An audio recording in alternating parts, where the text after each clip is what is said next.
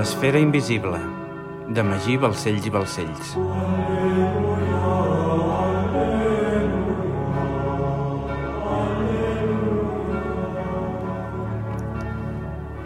Capítol 5 Ofensiva conjunta Dissabte, 24 de març de 1302 Barcelona, Principat de Catalunya Guillem de Caral es va despertar sobre una llitera escoltant les campanades que anunciaven la mort del bisbe. Feia tres dies que era la comanda de Palau de Barcelona, a l'espera que arribés la nau que l'havia de portar fins a Xipre. La comanda barcelonina, com a seu d'una de les 13 províncies de l'Orde del Temple, era un gran edifici noble, adossat al costat interior de la part sud-occidental de la muralla romana. Al centre del palau, un pati quadrangular, a l'estil de claustre monàstic, connectava totes les dependències de la comanda. Una gran capella ocupava tota la part nord i la resta dels costats, les dependències dels germans, les estances del mestre de l'Orde del Temple de Catalunya i Aragó, les cavallerisses, una cuina, un extens menjador i una gran sala noble per les celebracions del capítol provincial. L'edifici integrava i aprofitava part de la muralla romana, constituïda per un gruixut mur i set torres cilíndriques i prismàtiques que li conferien un aspecte de fortalesa inexpugnable. Després de ser investit cavaller, Guillem ho havia preparat tot per la seva partida. Havia fet un important dipòsit de diners a Barberà i després s'havia dirigit, conjuntament amb un grup de germans, a la comanda barcelonina per partir després cap a Xipre. Li costava treure's la imatge del bafumet del cap – Qualsevol altra persona no iniciada ho hauria relacionat amb una imatge del dimoni. Però Guillem, després de tant de temps estudiant la filosofia templera, va reconèixer a l'instant que el bafumet no era sinó la representació gràfica dels set principis que havia hagut de recitar durant la cerimònia d'investidura. Ara, per fi en tenia aquella imatge a la perfecció. Guillem, tot i que ja havia vist la ciutat com tal, sempre que hi tornava quedava sobresaltat, no només perquè no estava acostumat a veure tanta gent, sinó sobretot per la imatge de la mar. Li costava concebre que hi pogués haver tanta aigua junta. Per un home de secar com ell, la vista era esglaiadora. Uns dies abans, arribant a les muralles de Barcelona pel sud-oest, quan va veure el mar va deixar d'escoltar el que li deia Fra del Mau de Rocabertí, el mariscal, i va dedicar tota l'atenció a la immensitat líquida de l'horitzó. Mai havia estat sobre el mar, però la idea d'endinsar-s'hi, tenint en compte que era el camí que el conduiria a retrobar-se amb la seva família, el captivava per complet. Estava tan ansiós per partir que no parava de preguntar constantment al mariscal quan faltava per marxar. Feia més de quatre anys que no veia la seva estimada i ara, amb la proximitat del viatge, no podia deixar de pensar en ella. Després de molt insistir, Perenguer de Cardona, el mestre provincial que havia assistit a la seva investidura, li va dir que marxarien en tres dies, però que abans coneixeria el rei Jaume II i a Ramon Llull. Com? Coneixeria el rei i a Ramon Llull? va exclamar Guillem amb incredulitat. Així és, va contestar el mariscal. Però com és possible? Eh, només sóc un simple cavaller del temple, va exclamar Guillem. No siguis modest, va contestar el mariscal. Ningú ha ascendit tan de pressa com tu. Ni ningú ha estat tan generós amb l'ordre últimament, va deixar anar Berenguer de Cardona amb ironia. Eh, generós? Les 300 lliures que vaig dipositar a Barberà no són una donació, va afirmar Guillem. Fill meu, Berenguer refereix a la donació de la teva mare, no a les 300 lliures, va dir-li el mariscal mirant-lo. La meva mare? va preguntar Guillem, sense entendre res. La teva mare ha fet una gran donació a l'ordre per situar-te on ets, va dir Berenguer, intentant menys tenir les capacitats de Guillem. Guillem va callar i es va endinsar en els seus pensaments. La tristesa el va envair al moment i es va quedar en silenci i amb la mirada perduda.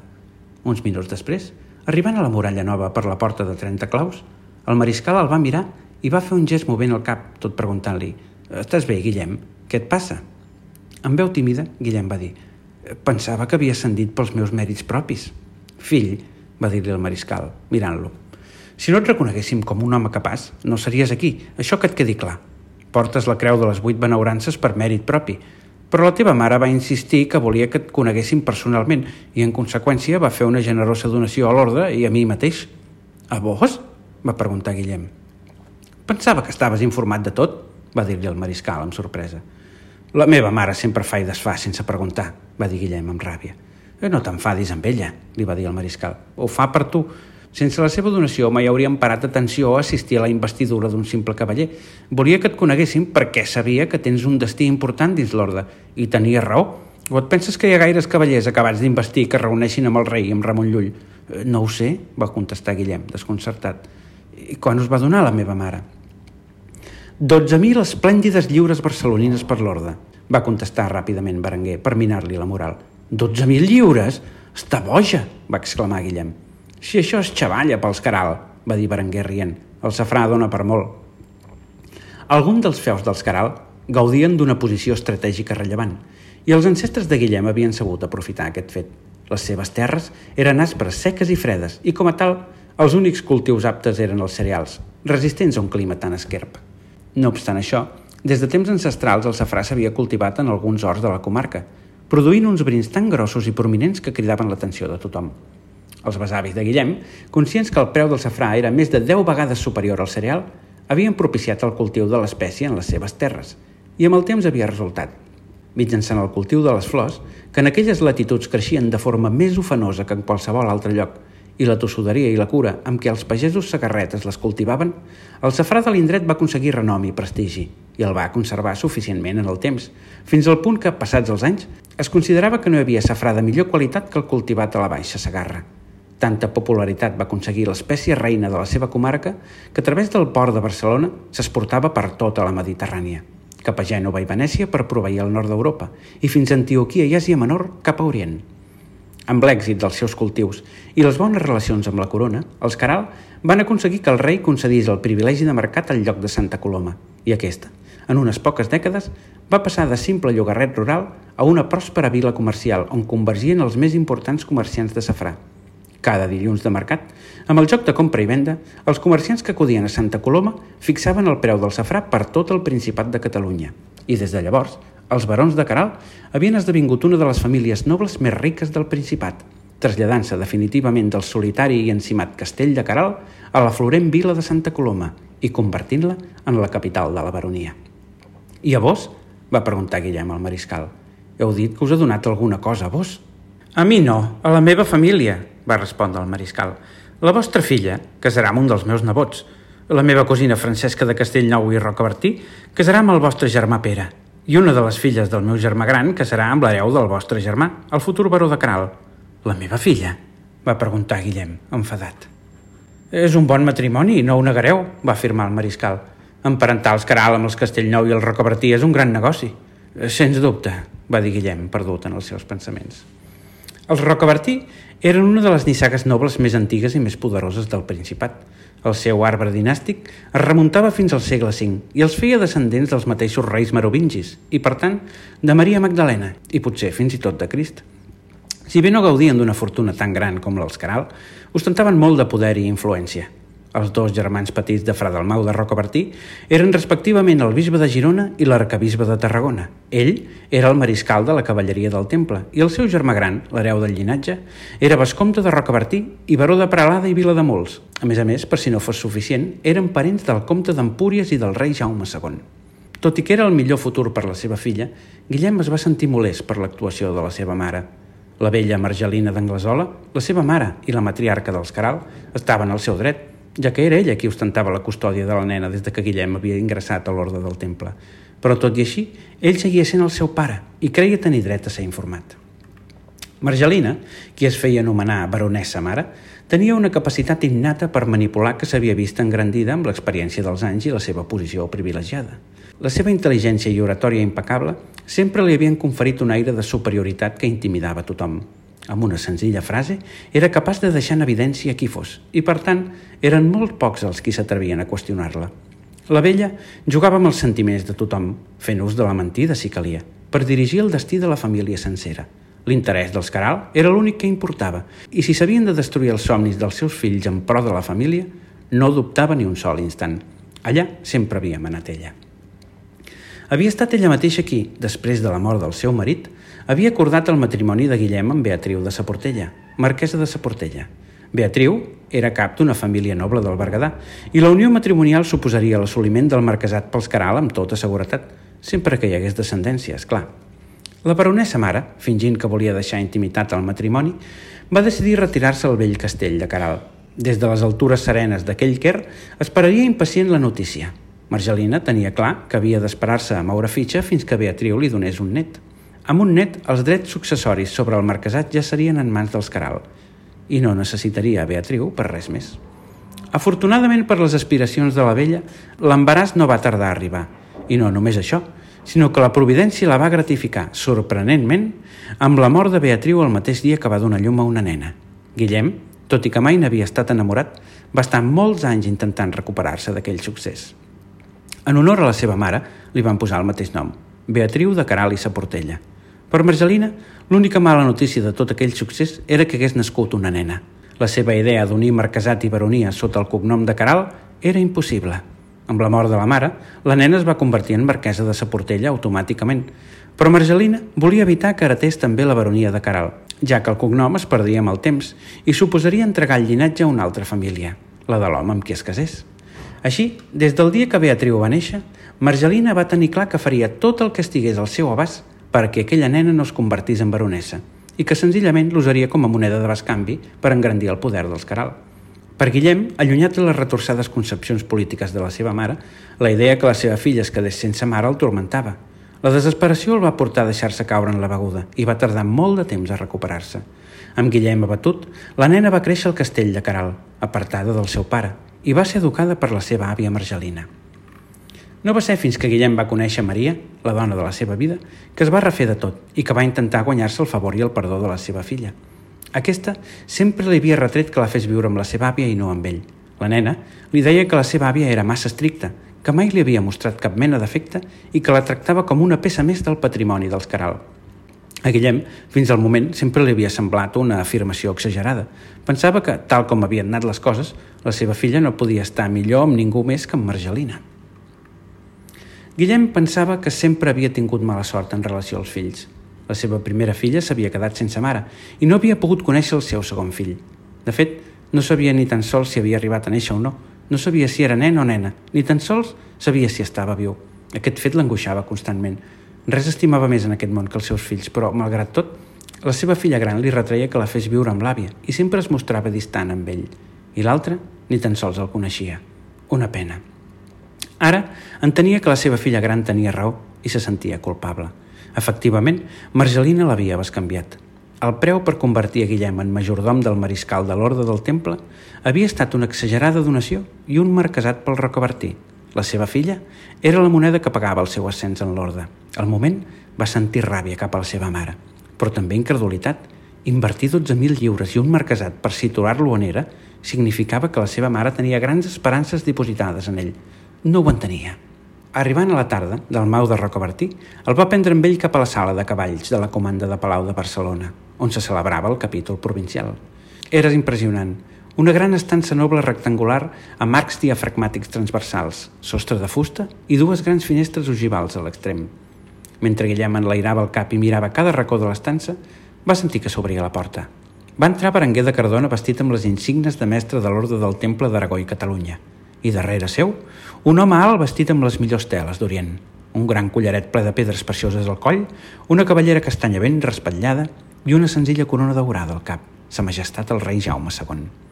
A mesura que es van anar acostant, el mariscal i Guillem es van posar de genolls amb el cap cot, fins que el rei els hi va dir «Alceu-vos, anem per feina». «Majestat, us presento Guillem de Caral, el meu majordom», va dir el mariscal. «Majestat», va dir Guillem fent una reverència. «Guillem de Caral?» Va dir el rei. No sou pas parent de cor de roure. Era el meu avi, majestat, va contestar Guillem. El meu avi Jaume sempre em parlava d'ell, va dir el rei. Deia que sense ell mai hauríem pogut conquerir València. Si heu heretat el seu coratge, sereu molt útil a la corona. Seria un honor, majestat, va respondre Guillem. De sobte es va sentir obrir la porta i va entrar un home gran amb barba blanca, vestit amb una casulla marró molt senzilla. El vell es va acostar directament cap a Guillem i li va dir així que vos sou Guillem de Caral, eh? Sí, va respondre Guillem, sorprès. Fra Ramon Llull, va dir el mariscal agafant a Guillem pel braç i estenent l'altre en direcció al vell barbut. És tot un honor, fra Ramon. He llegit més de set vegades el vostre llibre de l'Ordre de la Cavalleria, va dir Guillem, emocionat. No, res. Literatura barata i patulant, va deixar anar fra Ramon. Disculpeu, fra Ramon, però com m'heu conegut? va preguntar-li Guillem. Hi ha molt poques persones que tinguin un ull de cada color, va respondre Fra Ramon. Les probabilitats que m'equivoqués eren ínfimes. A més a més, Margelina m'ha parlat tantes vegades de vos. Com? va preguntar Guillem, sorprès. Coneixeu a la meva mare? I tant! Si ens fa d'anys que ens coneixem, va deixar anar Ramon. Guillem estava cada cop més desconcertat. La seva mare coneixia Ramon Llull? Com és que no li havia dit mai res? La seva curiositat era immensa. Li hauria encantat preguntar a fra Ramon de què es coneixien, però la presència del rei el va dissuadir. Fetes les oportunes presentacions, van seure i el rei va dir «Expliqueu-me, com estan les coses per Xipre?» El senescal de l'Orde, fra Hug d'Empúries, ha preparat l'ofensiva, conjunta amb el gran Khan mongol, el rei d'Armènia i el rei de Xipre. Hug d'Empúries senescal? va preguntar Ramon Llull. El pes dels catalans és cada cop més gran a la cúpula de la cavalleria del temple, va sentenciar el rei, content. Fra Bartomeu de Quincí va ser abatut pels mamelucs i Hug ocupa ara el seu càrrec, aclaria el mariscal. Tots els croats ens reunirem a Xipre i d'allà ens desplaçarem fins a l'illa d'Arado per conquerir Terra Santa. Arado? On és aquesta illa? va preguntar el rei.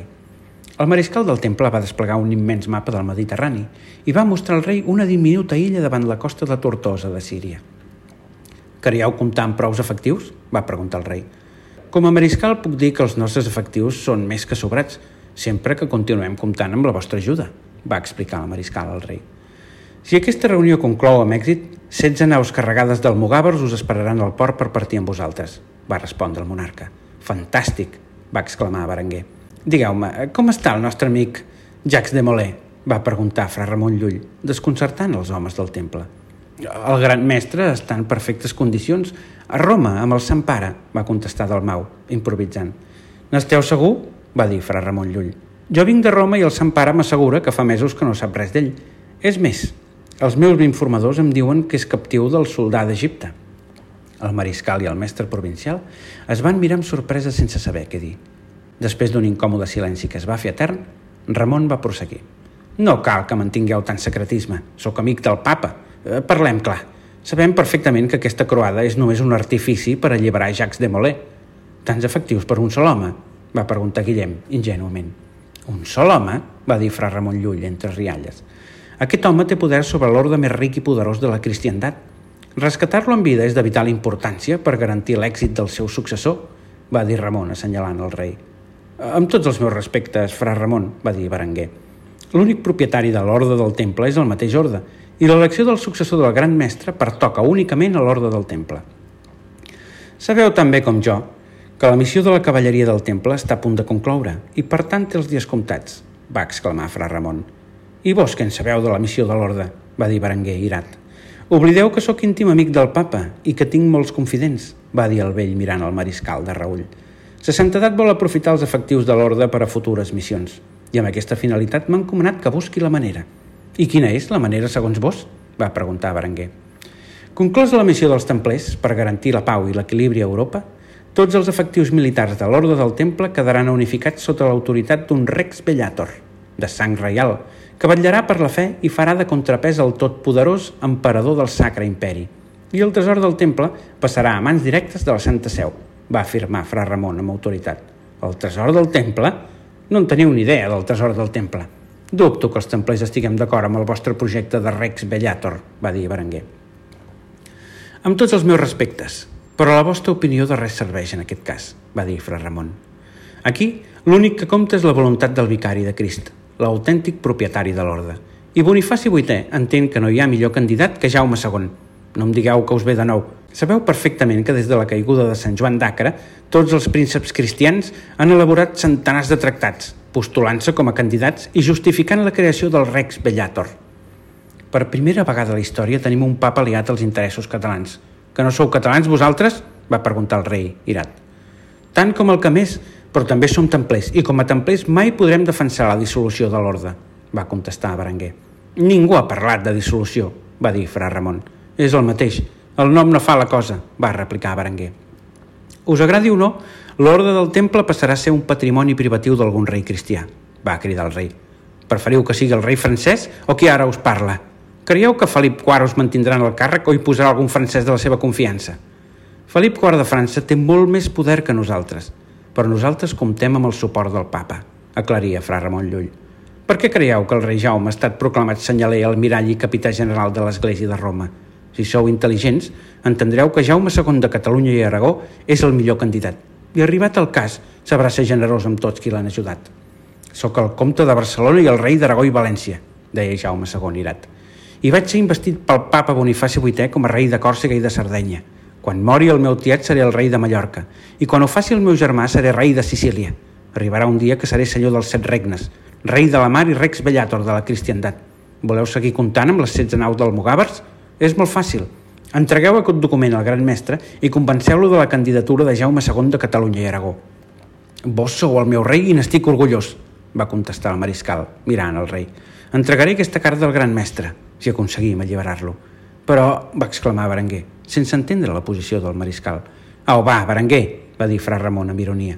No queda cap regne en peu a l'Orient i no hi haurà cap croada més per reconquerir Terra Santa. Com es pot protegir els peregrins que van a Terra Santa sense que hi hagi peregrins que van a Terra Santa? Un cop rescateu a Jacques de Molay, la vostra missió haurà conclòs. Vos ho sabeu. I vos sabeu també que Jaume II és la millor solució. Esteu equivocats, va dir Berenguer amb fermesa tot alçant-se de la taula. La nostra missió encara no ha conclòs.